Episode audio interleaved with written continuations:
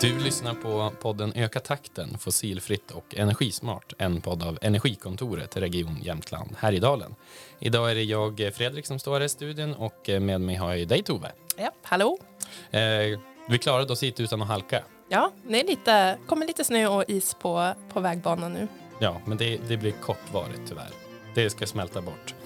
Eh, men vi ska ju inte prata om vintern eller om snö här idag utan vi ska ju faktiskt snacka om elbilar och eh, kostnader.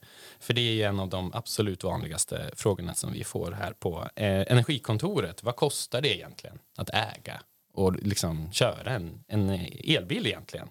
Och det florerar ganska mycket myter och sådär så vi, vi ska ju försöka reda ut eh, lite kring det idag. Ja, eh, och något som ingen har missat är ju att elpriserna har stigit eh, i Sverige och Europa det senaste året och eh, för att tackla den här utmaningen med el, eh, ja, få ner elpriset och så, så uppmanas vi ju att energieffektivisera eh, och då blir ju en fråga hur vi ska kunna energieffektivisera och elektrifiera vår fordonsflotta samtidigt. Har du några bra tankar på det Fredrik? Mm, ja, jag tänker att det, eh, vårt liksom behov av el ökar ju med att vi liksom, elektrifiera fordonsflottan, så är det ju. Men samtidigt så mm, måste man komma ihåg att det är eh, en energieffektiviseringsåtgärd att elektrifiera. Det är fem gånger mer eh, energieffektivt att köra på el än att köra på bensin och diesel. För att eh, vi måste ju komma ihåg att ja, men, bensin och diesel innehåller ju också energi och de, det är ju en del av liksom, eh, den totala energimängden i hela samhället liksom, som krävs för att få de här hjulen att snurra. Så att, eh, det, det är smart att gå över på eldrift. Ja, det är en typ av energieffektivisering då helt enkelt.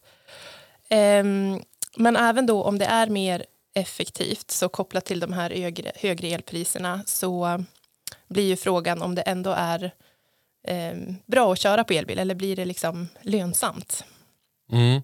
Jag tänker om det, om det är, blir lönsamt eller inte, det ska vi kolla lite vidare på eh, senare också. Men om, om vi börjar och titta bara på liksom att köra en elbil, liksom själva milkostnaden.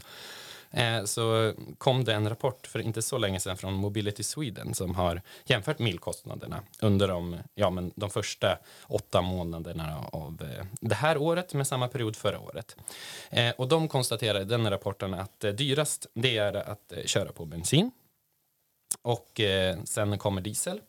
Och, och, till sist så kommer då elbilar som laddas på publika stationer.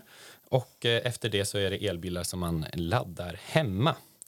Eh, men det här kan ju skilja otroligt mycket på vart man bor i landet och framförallt då, ja, men, och vilket elavtal eh, man har.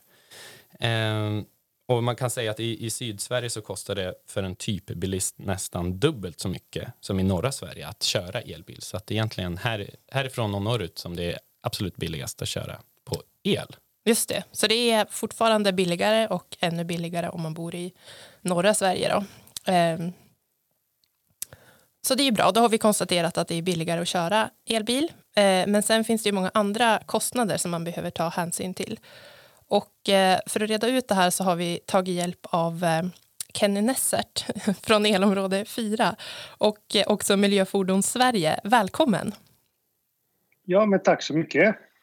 Kul att ha dig här Kenny, men när du inte poddar med oss, då, vad, vad gör du då för någonting? Ja, alltså jag jobbar som projektledare på Miljöfordon Sverige och med en mångårig erfarenhet från bilbranschen som bland annat bilförsäljare så anses jag vara någon slags bilexpert. Mm. Och mitt jobb är ju då att hjälpa företag och organisationer med omställningen till en grönare bilpark. Man kan säga så här att idag så ställs väldigt många organisationer inför valet att man måste eller att man vill ställa om. Men man vet inte riktigt hur man ska tänka. Man vet inte vilka modeller eller vilket bränsle som passar eh, och framförallt vad det kommer att innebära rent ekonomiskt.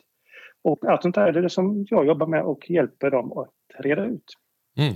Det låter ju, du låter som en perfekt person tycker jag att ha med i den här eh, podden. Eh, jag tänker att vi kanske ska börja med liksom det uppenbara som hände eh, här i, eh, om det var i början på, början på veckan när, när budgeten kom så fick vi ju, så något som förändrade vår planering för hela den här podden, att, nämligen att regeringen tog bort eh, den klimatbonusen som har legat eh, för elfordon. Eh, har du några kommentarer till det, Kenny? Ja, alla blev ju tagna på sängen, det kan man ju säga. Och jag vet själv att jag har bra kontakt med väldigt många återförsäljare och där som vi hjälper till med i olika sammanhang. Och jag blev ju nerringd hela kvällen eh, där de frågar vad händer, vad menas med pressmeddelandet? För själva pressmeddelandet var lite otydligt. Mm. Och eh, det påverkar ju som sagt ganska mycket ekonomiskt för väldigt många. Eh, det är lite tråkigt. Alltså jag tycker absolut att vi ska, ska väl inte betala ut bonusar för all framtid för elbilar. Men eh, man hade väl hoppats på lite eh, bättre framförhållning och en eh, lite mjukare landning, en utfasning. Mm. Att man mm. hade kanske haft lite lägre bonus kanske om ett år eller något sånt där. Där man hade kunnat planera sin, både inköp och även eh, bilåterförsäljarna, generalagenter kunde planera sin, sina bilbeställningar. Ja, precis. Och det, och det var ju egentligen eh, tanken eh, ju att det skulle fasas ut. För man skulle ju sänka från 70 000 till 50 000 och sådär. Nu blev det ja. inte så då, utan det blev eh, direkt ner till, till noll. Men däremot, det som de inte pratade så mycket om, det var ju att ja, men bonusen togs bort. Men sen så ligger ju malusen kvar, eller hur? Ja, det stämmer. Så man, man, vill fortfarande inte att folk ska köra diesel och liksom ben, bensinbil då. Eh, med att man har kvar den här malusen kan man väl konstatera kanske. Ja.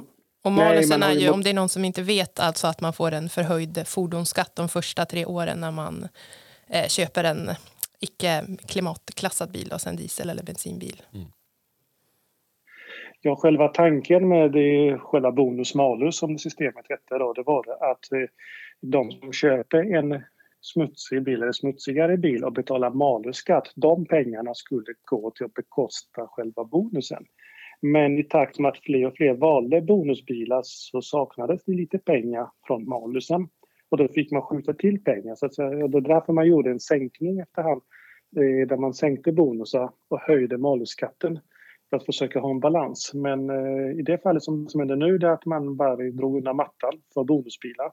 Men fortfarande så har regeringen sagt att det är elbilar som kommer att gälla eh, framöver. Då.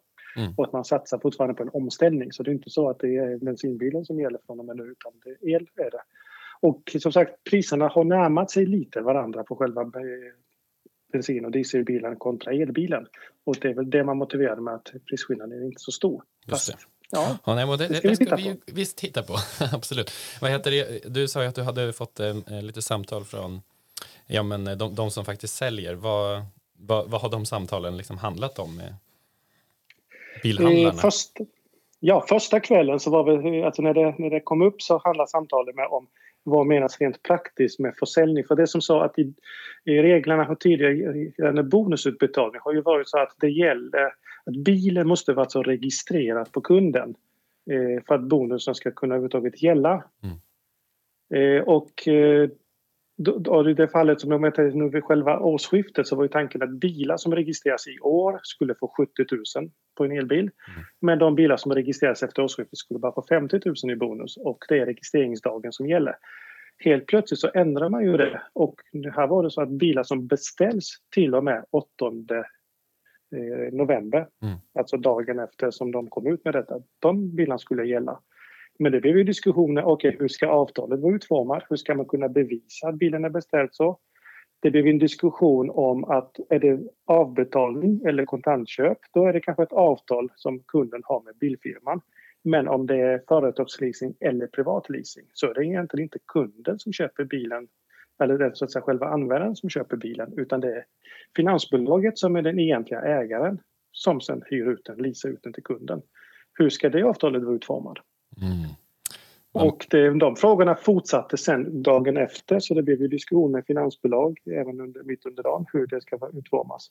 Samtidigt så det blev totalt mycket, hur mycket spring som helst i bilhallarna som hade extra öppet, vissa även fram till midnatt dagen efter. Då. Och vissa bilhandlare, jag har ju pratat med två, kan ta två olika, en, en handlare där jag sitter, jag sitter i Karlskrona idag, mm. jag bor i Karlskrona, där en handlare har sålt 38 elbilar. En annan handlare jag pratat med i Malmöområdet, de har sålt över 200 bilar på en mm. dag. Ja, just det. Det, ja. det är rekordet. Det fick ordentlig fart på försäljningen där. Får, får, se, va, får se vad som händer sen då.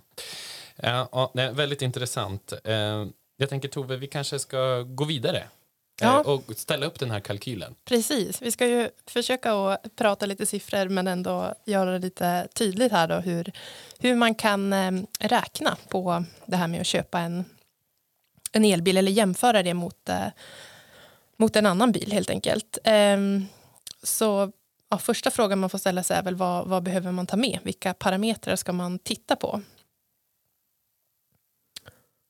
Ja, jag tänker att vi kanske kan vända oss direkt där till, till dig Kenny. Vad, vad, Mm. om, om vi ska börja jämföra, vad, är det för parametrar, helt enkelt? Ja, det första alla tänker på är såklart bilens pris och det är Mm. kanske inte så konstigt. Och, och det, det inser vi alla, alltså elbilen har ju ett högre pris än vad exempelvis en dieselbil har. Nästa parameter, då kanske man, man ska titta på, det är ju skatten. Vi var inne på eh, bonus malus. Mm. Där kanske en dieselbil har ju betydligt högre skatt under i alla fall de första tre åren. Medan elbilen den har en grundskatt på 360 kronor om året. Eh, servicekostnad är en sak som man ska titta på. Eh, bränslebilarna kostar, kostar mer att serva i de flesta fallen jämfört med elbilar. Elbilen har inte så många rörliga delar. Jag vet att i de flesta bilmärken i den första service så byter man inte ens någonting. Det är inte bara en kontroll av, av bilen. Mm. Och sen har vi då bränslekostnaden. Och eh, ja, det, där skiljer det. Så här, vi var inne på att det skiljer mellan södra och eh, norra Sverige gällande elpriset. Mm. Bensinpriset är väl ungefär detsamma över hela landet. Men det är de parametrar man får titta på. Mm. Och det här får man också titta på hur länge man ska äga bilen eller om det ska exempelvis privatleasas. Samtidigt hur många mil kör man om året. De parametrarna skiljer sig lite. Ja. Försäkring finns ju också, men försäkringen är ungefär lika på båda. Det är inga stora skillnader om man tittar på bildmodeller som är jämförbara med varandra. Just det. Ja, nej men för det kan väl vara liksom en grundgrej egentligen att tänka på. Ja, men vad, vad är det faktiskt som skiljer åt? Men man behöver ju inte ha med alla kostnader som är exakt likadana oavsett vad det är för, för fordon. Så att man inte gör kalkylen ännu mer omfattande än vad man kanske behöver. Nej, precis. Vi försöker ju fokusera här på kanske inte vad kostar det att äga en bil utan vad skiljer det mellan en, en elbil och ett, ett annat alternativ. Mm. Eh, men om vi då ska ställa upp den här eh, kalkylen då och nu tänker jag att vi ska först prata om, ja men du, du kör elbil privat och du vill köpa liksom ett helt eh, nytt fordon då, kontant så tänker jag att vi ska prata om leasing och lite grann om begagnat sen då. Vad tror du om det Kenny, funkar det? Det blir jättebra. Mm. Nej, men, och sen nu i, i de här två eh, liksom, exemplen som vi har så har vi ju jämfört eh, två olika bilmodeller men det kan ju se väldigt olika också ut tänker jag jäm, liksom, beroende på vilka bilar man använder eh, och sådär. Så att det, det är ju inte helt enkelt att göra sådana här kalkyler. Men i, just i den här så har vi ju en eh, Golf, som, en Volkswagen Golf som går på bensin och en eh, Volkswagen ID3. Då. De är ju ganska jämförbara i, i storleken, eller hur? I alla fall. Ja, men, ja, men precis. Man kan ju säga att ID3 är den där elektriska ersättaren till själva Golfen. Mm. Men båda finns fortfarande i, i sortimentet. Mm. Så de fyller ju ganska samma behov, men jag menar ID3 är ju kanske lite mer eh, utrustad ändå. Ja, men så är det alltså egentligen när man ska titta. Jag vet att vi har tittat på både bensin och dieselgolf och vi, kalkylerna vi har kollat på då var det att man tar alltså grundmodellerna som är bensin eller som är diesel och även grundmodellerna i Volks, på ID3. Det som skiljer dessa åt är att Golfen i sin grundutförande den har ju mindre motor. De har någonstans 110-115 hästkrafter och har alltid manuell växellåda. Vill man ha mer hästkrafter och automat så tillkommer det en kostnad. ID3 däremot, den har ju över 200 hästkrafter och eftersom elbilar de har alltid automat så att då, då har man ju det också. Sen även grundpaketet på elbilen som är på i det fallet ID3 har oftast mer utrustning även från start jämfört med exempelvis då Golfen. Ett exempel som många inte tänker på som är faktiskt bra. De flesta elbilar, kanske inte alla på marknaden men de flesta har möjlighet att styra exempelvis uppvärmning av kupén via en app. Ja. Tänk kupévärmare. Mm. Och det kan vara inbyggt i en sån. Skulle man vilja ha en appdriven, så att säga, appstyrd kupévärmare i en eh, bensin eller dieselbil, då är det bränslevärmare med kupéfläkt och sådär som behöver som tillkommer som extra utrustning. Där pratar vi kanske 25 000 kronor extra bara för en sån sak. Just det. Ja, och, nej, men och, i, och det, i den här tabellen där vi har just nu då, som vi står och tittar på i vårt manus, bara så ni som lyssnar förstår, eh, då är det ju grundutförandet då. Men det gäller ju att ha med sig när man jämför, tänker jag sen. Ja, men om vi börjar kolla i den här eh, tabellen då, eller jämförelsen, så du var ju lite inne på det innan här, att det Eh, investeringskostnaden är något som kan skilja sig. Hur ser det ut där om vi tittar på de här två modellerna som vi jämför? Ja, alltså om vi tittar exempelvis på en Golf som är bensindriven då, eh, så kostar en sådan 267 000 ungefär hos en bilhandlare. Medan en eh, eldriven ID3 som är motsvarande bil ur samma bilmärke kostar 479 000 vill de ha. Den börjar där. Och mm. Det är ju över 200 000 i skillnad. Just det. Ja, nej, men det, och det är ju betydande och det är må många som kommer till oss och säger att det, ja, men det är det som kan vara lite problem just när man ska köpa till inköpspriset. Eh, men sen så om vi går vidare här då, då hade vi ju en tabell här med klimatbonus, men den skippar vi. Eh, och så går vi på, eh, vi har en avskrivningstid på de här. Vad betyder avskrivningstid egentligen? Alltså en avskrivningstid så har vi egentligen tittat, man har egentligen tagit bilens pris och, eh, och bestämt att om tio år så är bilen värd noll kronor. Och så har man tagit den summan och fördelat på antal månader på under tio års tid. Då. Mm, som att man betalar av den till sig själv då på tio år om man har köpt den? Precis.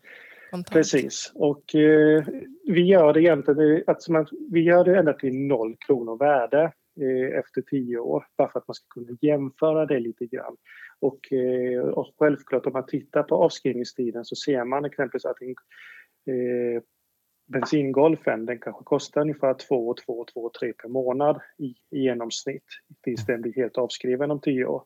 Medan eh, ID3 ligger på cirka 4 000 kronor per månad.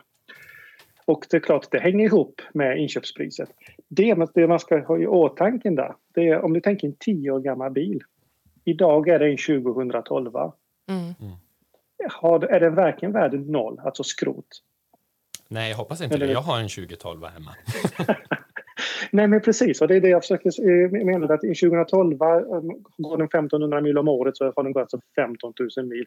En bensindriven Golf 20, som om tio år, den har fortfarande ett värde. Det är egentligen mm. inte skriven, nedskriven till noll. Men elbilen, vilken bil tror ni är mest eftertraktad som begagnad i bilhallen om tio år? Ja. 20, 20, 2032. Ja. Vi får ju hoppas att det är ändå elbilen. Vi, vi vet egentligen inte. Nej, Nej. Så är det ju. Nej, så här, vi vet ju inte det, om det är elbilen. Mm. Förmodligen är det elbilen med tanke på att eh, EU har ju bestämt att eh, det ska inte säljas några nya Eh, bränsledrivna bilar, alltså bensin och dieselbilar efter 2035. Och flera biltillverkare har sagt att de kommer inte saluföra sådana bilar efter någonstans 2030. Lite olika beroende på vem man frågar. Mm. Nej, men för det har ju varit en stor fråga liksom, tidigare på elbilsmarknaden just med restvärdet och ja, men vem kommer vilja ha den här bilen liksom, om, om si och så många år. Men det är mer de frågetecknen börjar mer och mer rätas ut, upplever jag i alla fall. Så att eh, det kommer finnas en bra liksom, begagnat marknad ändå för elfordon. Ja, men absolut är det så. Alltså det, det kommer inte vara något problem. Alltså elbilen, jag vet det, vi kan ta med själva diskussionen kring det där batteriets hållbarhet och sånt där. Det är frågor som... Ja, mm. Det är inget problem, så kan man väl uttrycka det så. Och, eh, Självklart så menar, i, i framtiden är man väl vant sig vid en elbil. Jag kan, kan gå till mig själv som kör elbil. Mina vänner som kör, de som kör elbil, de vill inte byta tillbaka. Nej, ja, just det. Eh, skatt då, det var vi inne lite grann på. Det, det är ju eh, billigare eh, med, med, skatten när det gäller ID, eh, eh ID3 eh, än bensinbilen. Mm. Mm. Och sen så pratade vi lite grann om service, eh, servicekostnaderna också. Att eh, de kan eh, också vara lägre för en elbil. Varför är det så? Helt enkelt att bensinbil exempelvis, där vid varje service så ska man byta olja, så ska det vara kanske oljefilter. Efter den andra, tredje servicen kanske det kan vara tändstift. Det är lite fler delar liksom i en motor som behöver skötas om. En elbil, en första service, vi brukar skoja till första service, mekanikern, vad gör han? Han går runt och sparkar på däcken och sen fyller han in ett protokoll. Mm. det är ungefär så, de gör ju kontroller såklart uppe på batteriet, alltså högspänningsdelarna, uppdaterar kanske mjukvaran och sen kollar så allt okej. Okay. Eh, ofta så gör man inte så mycket under första servicen. Andra servicer kan många gånger vara som att man kanske byggt ett kupéfilter. Det mm. finns inte så jättemycket saker att göra där. Självklart så har elbilen slitagesaker precis som en vanlig bensinbil som bromsar, däck, vindrutetorkar. De finns ju alltid.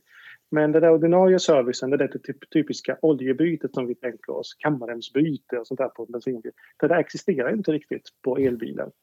Dessutom så har många elbilar har ju långa serviceintervaller. Just för att grejerna håller länge, det finns inte så mycket att göra. Till och med så att exempelvis Tesla, de har tagit bort serviceintervallerna. Du behöver inte serva den. Mm. De rekommenderar att man gör en översyn ibland, men det är inget krav. Just det. Men i vår uppställning här så skiljer det ju faktiskt inte så mycket. Det är 200 kronor på bensinen och 180 kronor på el, elen. Ja, och anledningen är ju så att många gånger så att de som jobbar med elbilar behöver oftast gå igenom, eller de behöver alltid genomgå en högspänningsutbildning. Mm. Eh, och den utbildningen kostar ganska mycket för verkstäderna och vissa verkstäder har gjort så att de tar faktiskt lite mer betalt för en tekniker som har den utbildningen. Eh, och då har vi, då har vi liksom tagit, liksom, okej okay, men då lägger vi på, det, det är schablonkostnaden, vi har ändå lagt på lite extra för det, att det inte skiljer så mycket. Just det. Mm. Man vill liksom inte liksom gynna elbilen bara så att man får det, att man liksom skrivit ner Nej, precis. Vi vill ju ändå ha en rättvis eh, jämförelse ja. här. Så. Ja. ja, men precis. Precis. Men då, och då har vi liksom den sista viktiga posten här kvar då, som är bränslet. Som ändå är den, ja. den posten där ja, man kanske ser störst skillnad. Ja. Det, vi har, förutom det vi har tittat på, det vi har tittat på, där vi har tittat på, alltså på eh, den deklarerade snittförbrukningen på bilarna. Vi vet ju alla att både bensinbilen och elbilen drar mer i verklig körning. Men för att kunna ha något att jämföra med. Och eh, vi har även kollat på att en genomsnitts eh, Svensson som kör runt här kör ungefär 1500 mil om året. Så det vi har tagit är alltså 1500 mil om året gånger kanske då eh, vår förbrukning på bensinbilen. Gånger då för bensin blir det alltså 20 kronor litern. Och sen har vi slagit ut det vad det blir per månad och eh, då hamnar bensingolfen på eh, bränslekostnad på ungefär 1350 kronor. Mm. Och elbilen där då, då är det ju som sagt, det varierar ju lite elpriset, men vi, där har du ett spann också mellan 2 till 4 kronor per kilowattimme. Ja, eh. så ungefär 4, 4 till 800 kronor har vi räknat mm. beroende på eh, Precis. vilket elpris man har. Så summa summarum för de här jämförelserna då, Tove, vad blir det? Ja, men då landar den här eh, golfen som går på bensin på eh, 4 028 kronor per månad. Och eh, ID3 hamnar på någonstans då mellan 4 600 och 5 000 kronor beroende på vilket elpris man, man utgår från. Just det. Eh, och kan vi säga någonting där om hur mycket påverkade borttagandet av den här klimatbonusen egentligen? Eh, ja, ja alltså det gör spontant. Jag, vill, jag kommer, kommer ihåg att det var på andra hållet. Där var elbilen billigare med, mm. med hjälp av klimatbonusen. Den gör faktiskt mycket mer nytta om man säger, med, på månadskostnaden på privatleasing än om man slår ut den på tio år. Just det. Eh, och någonting vi ska tänka på fortfarande här, för här märkte vi ganska direkt att elbilen blev faktiskt lite dyrare trots allt. Men då är det fortfarande lite olika bilar. Alltså fortfarande är det en dubbelt så stark eh, elmotor kontra bensinmotor, automatlåda, lite mer utrustning och kanske den där kupévärmaren, alltså sådana saker som kan skilja. Men det är som sagt, det är bara för ett exempel. Ja, ja precis. Det här är ju två, två bilar vi har tittat på, men ändå för att få en, en uppfattning vad man ska titta på ungefär vad det kan, hur det mm. kan landa. Eh, men också komma ja. ihåg att man får lite mer bil för, för pengarna. Yes, jag tänker, du, du började ju prata lite grann där om eh, privatleasing. Eh, och det, då ser ju ändå liksom uppställningen lite annorlunda ut, för jag menar då ingår det ju ganska mycket i själva leasingavgiften. Eh, eller hur? Det är väl egentligen eh, skatten eh, och eh, bränslekostnaden som ligger utanför leasingavgiften? Ja, det är något vi inte räknat med, det är kostnaden för vinterhjul, men det har vi inte heller gjort i beräkningen utav avskrivning på tio år att man har vinterhjul och, annat, och kanske andra saker. Då. Men, men det är ju, så det är ju samma pengar där. Men det vi tittar på är alltså privatleasing inklusive service. Så att servicen ingår i det hela. Då. Mm. Precis, och där eh, kan vi prata lite om leasingavgiften då i, ja men runt 2000, nej 4300 kronor för, för bensinbilen då och eh, drygt eh, 6700 eh, nu då för leasingavgiften och där kan man ju se att den, den stack iväg lite utan klimatbonusen. Ja, det gör ungefär 1500 kronor till eh, med eller utan bonus. Så det som hände över en natt ungefär. Och då var den då eh, beräknad bonus på 50 000, alltså egentligen nästkommande års bonus i den beräkningen. För att de räknade att alla ID3 som skulle säljas nu skulle ändå inte levererats förrän efter årsskiftet när klimatpåsen skulle varit lägre för elbilar. Just det. Och då om vi tittar på totalkostnaden här då, för då har vi ju räknat med samma, att man kör lika mycket per år och har samma bränslekostnad. Eh, då landar vi på en, en månadskostning på leasing för den här bensinbilen på 6 82 kronor per månad. Och eh, elbilen landar då på mellan 7 och 3 och eh, 7 och 7 per månad beroende på vilket elpris man, man har räknat med där. Mm. Eh, är det någonting mer som vi ska tillägga när det gäller liksom leasingen där tycker du Kenny? Innan vi går vidare och pratar lite om begagnade bilar. Nej, absolut inte. Det är inte mer att här märker man att hur mycket klimatbonusen hjälpte till vid leasing. Och det är nämligen så att de, av alla privatpersoner som köpte elbilar så var ungefär 70 procent har valt att leasa, privatleasa sin bil. Mm. Så att här kommer vi se en eh, stor förändring, att privatleasing kommer minska och förhoppningsvis så kanske är det en ökning av eh, vanlig klassisk avbetalning istället. Då. Men eh, det, det märker vi hur marknaden kommer att reagera. Ja, nej, men det ska bli, det ska bli spännande att eh, följa det. Eh, men som sagt, med begagnat då. Det, det är många, många har ju ändå inte råd att köpa nytt eller ja, kanske tvekar nu också med lite högre leasingavgifter. Eh, har ni liksom något tips från er liksom, vad, vad man ska tänka på om man ska köpa en begagnad elbil? Alltså egentligen är det ju inte svårare att köpa en begagnad elbil än att köpa en begagnad bensin eller dieselbil det man ska titta på det är fortfarande samma saker som att kolla på skicket, kolla så serviceboken, korrekt infört, att allting fungerar kanske. Provköra. Det är faktiskt väldigt många som inte provkör en bil utan pekar på den och diskuterar med bilhandlarna och sen är det finito, vi tar den. Så tips, provkör alltid. Eh, största skillnaden mot, mot en bensinbil och en elbil då är det egentligen det som många pratar om, det är det där med batteriet. Mm. Eh, jag väl säga så här, man ska inte oroa sig för batterierna. För det första så har ju alla tillverkare eh, bra garantier eh, på själva eh, högspänningsbatteriet, alltså det stora drivbatteriet i en elbil. De flesta har runt 7-8 år eller då 15 000 mil ungefär beroende på det som infaller först. Det skiljer lite från tillverkare till tillverkare men runt omkring där. Eh, och då, så skulle någonting hända med batteriet så har man ju den säkerheten. Sen såklart, bilarna blir ju äldre, de kanske går lite mer och de där garantierna tar ju slut någonstans. Eh, och då tänker man, vad händer med batterierna? De tappar väl i kapacitet? Och enkelt svar på den frågan, ja, det gör de. Eh, jag vet att Geotab i USA gjorde en undersökning för ungefär två år sedan där de tittade på 6 300 bilar och kom fram till att en genomsnittlig bilbatteri tappar ungefär 2% i kapacitet per år.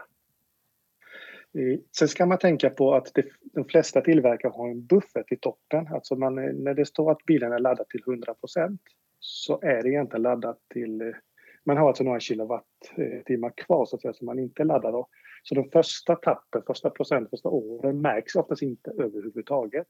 Att, eh, och själva degraderingen. Ja, men så då, om, man, om man kan liksom fundera över sin batterihälsa så kan man tänka på den formen då kanske. Alltså att ungefär 2% sämre batteri jämfört ja. med liksom när den var köpt. Jag kan säga ett exempel. Vi kan ta ID3 i en grov uträkning.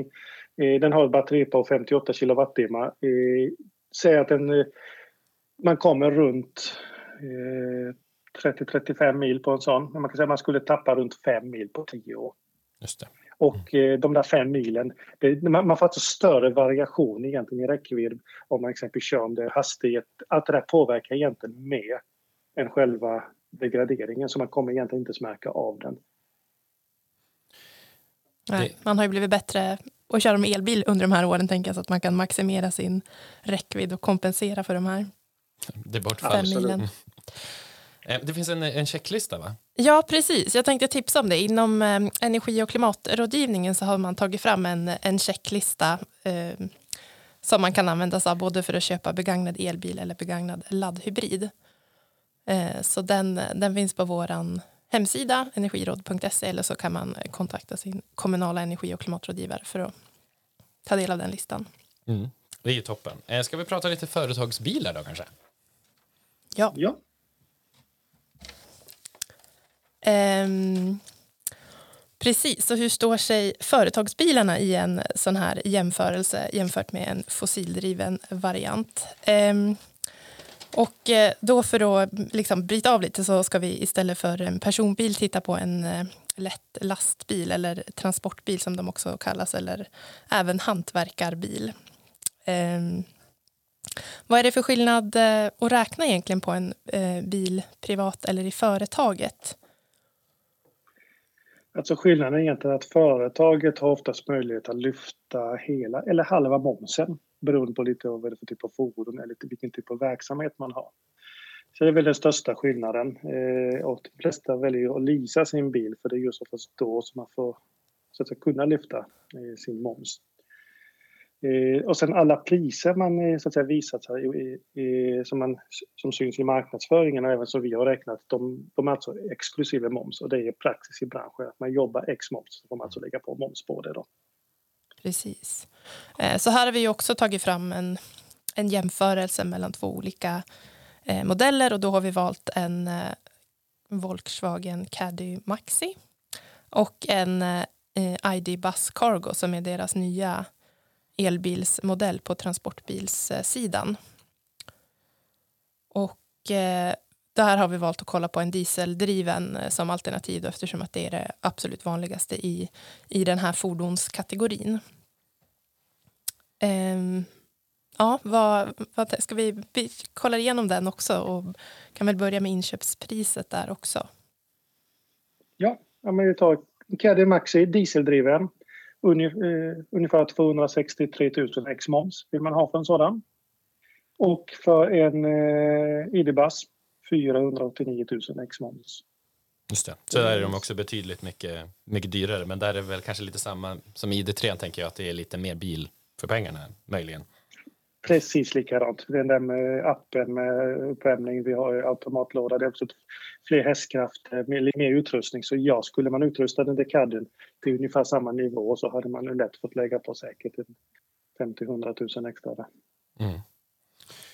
Nej, och, det, och, jag tänker, det är ju samma med avskrivningstiden som det vi pratade om tidigare. Det är på, på tio år i det här fallet, för det här handlar ju om att köpa. Då. Tänker jag, nu pratar vi först, även om det var vanligare att lisa. Ehm, ja. Så att eh, avskrivningstiden blir som, som samma sak. Då. Bonusen försvinner ju här också, ehm, som vi har pratat om tidigare.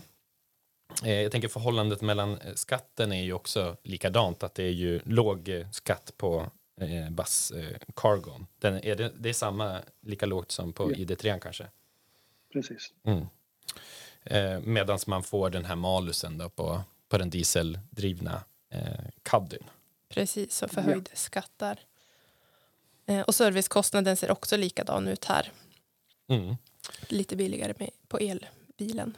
Precis, men, men däremot bränslekostnaden, för i, i det här exemplet så tänker man ju också att eh, ja, men i företag så kör man oftast lite längre än vad man kör privat. Så här har ni räknat på 2000 mil per år istället för 1500 som det var tidigare. Ja, precis.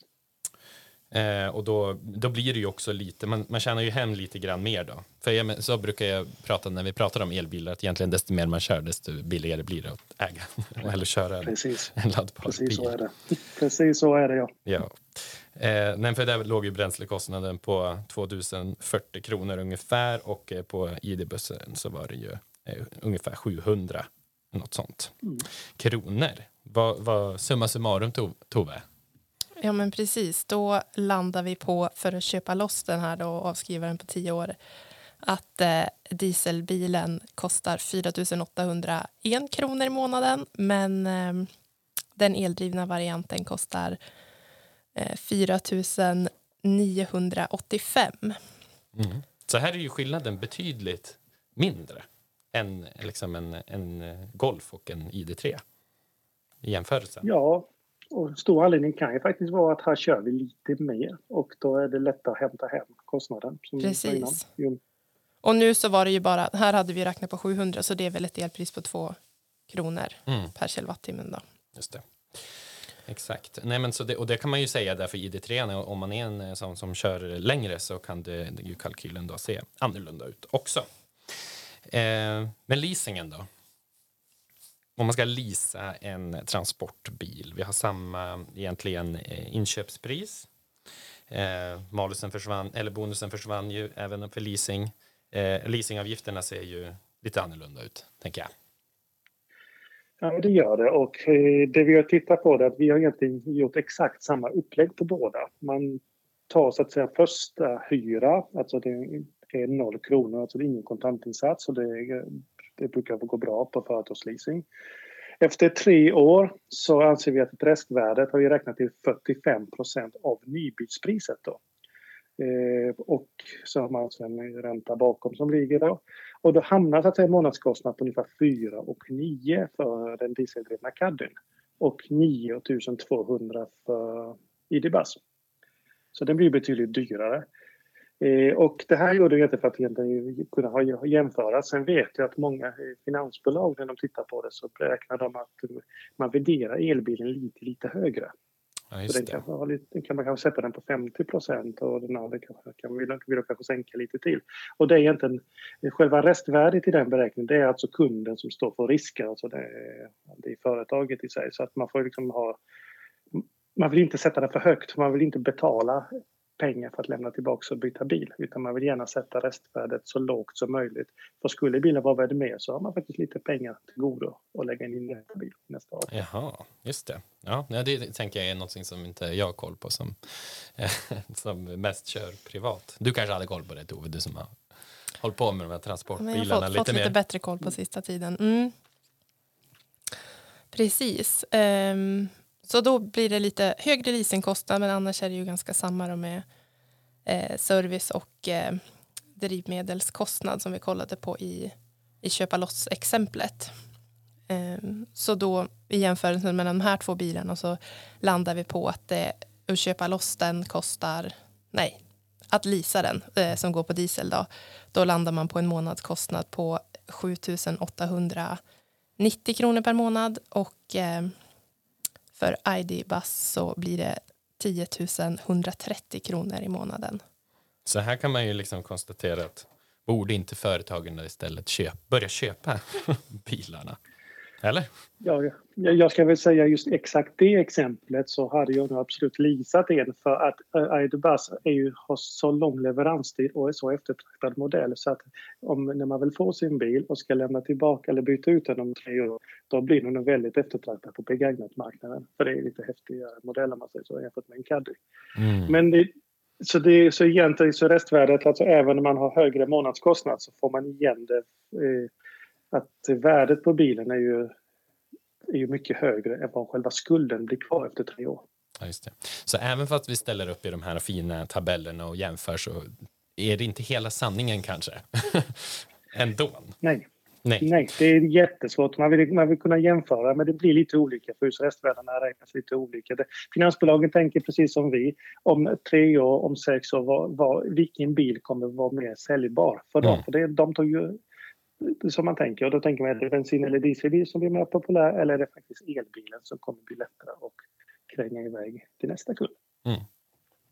Precis. Um, men när vi ändå pratar om uh, företag och uh, elbilar så en fråga som jag ofta tycker dyker upp då är ju uh, eftersom att vi ändå pratar om det här, vad, vem som ska betala för laddningen. Det är ju ganska vanligt, speciellt här har vi många enmansföretag, alltså enskilda firmor som Eh, Eh, som använder den här typen av bilar och då kör man ju hem den och parkerar den hemma under natten och då blir det ju att man får ladda från sitt eget eh, från en egen laddbox hemma. Ehm, och då är frågan liksom vem betalar för laddningen eller vad kan man ha för, för upplägg för det? Vad, visst har du också koll på det Kenny, hur man kan Ja, jag har suttit många gånger med just de frågorna och bästa tipset jag har som allt fler använder sig utav, alltså som gör det, det är att eh, man ser till att föraren, alltså den som eh, föraren betalar all bränsle.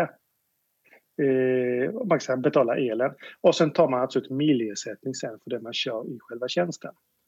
Eh, idag kör man bilen i tjänsten bör man kanske fortfarande skriva vad man kört i tjänsten. Men istället för att företaget ska stå för bränslet så står man alltså själv för det och sen får man ersättning på lönen. Och på alla bilar, eller alla bränslen utom diesel så får man just nu 9,50 per mil skattefritt kan man få från sin mm. arbetsgivare eller från sig själv.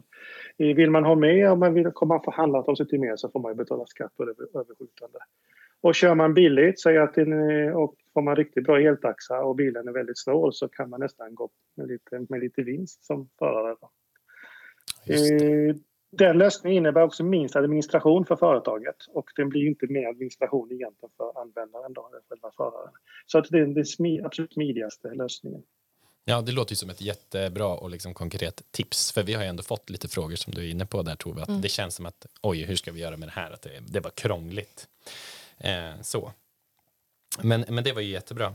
Eh, jag tänker att eh, vi, nu har vi egentligen bara pratat om själva, ja men ja, man ska investera eller man ska leasa, men det, det kommer ju till lite andra kostnader också med elbil.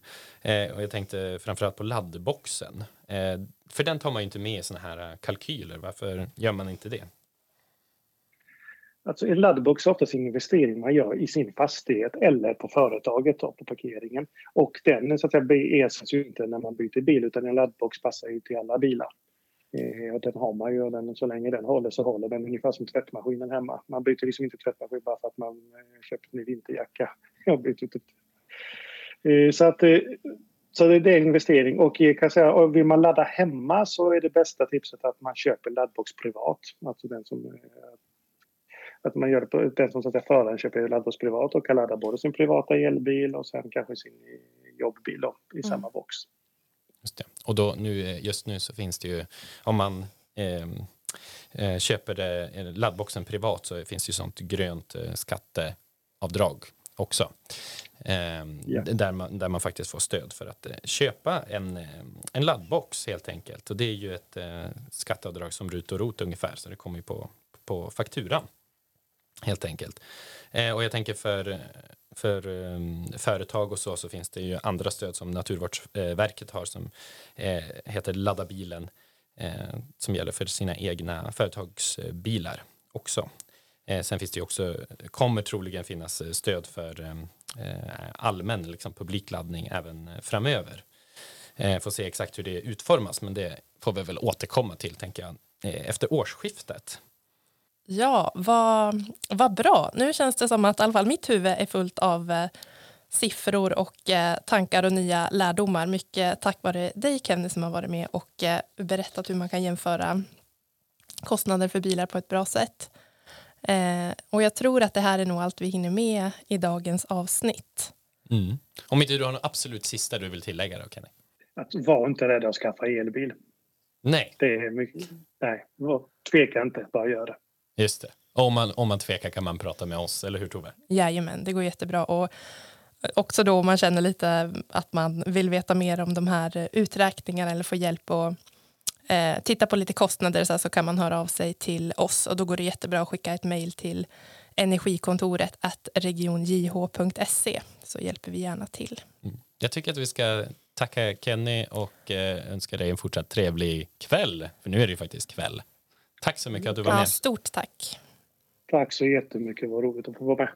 Det här avsnittet har finansierats av eh, Europeiska regionala utvecklingsfonden, Region Jämtland Härjedalen, Region Västernorrland, Länsstyrelsen Västernorrland, Länsstyrelsen Jämtland, Biofuel Region och EMAB samt eh, Kramfors kommun och Sollefteå kommun.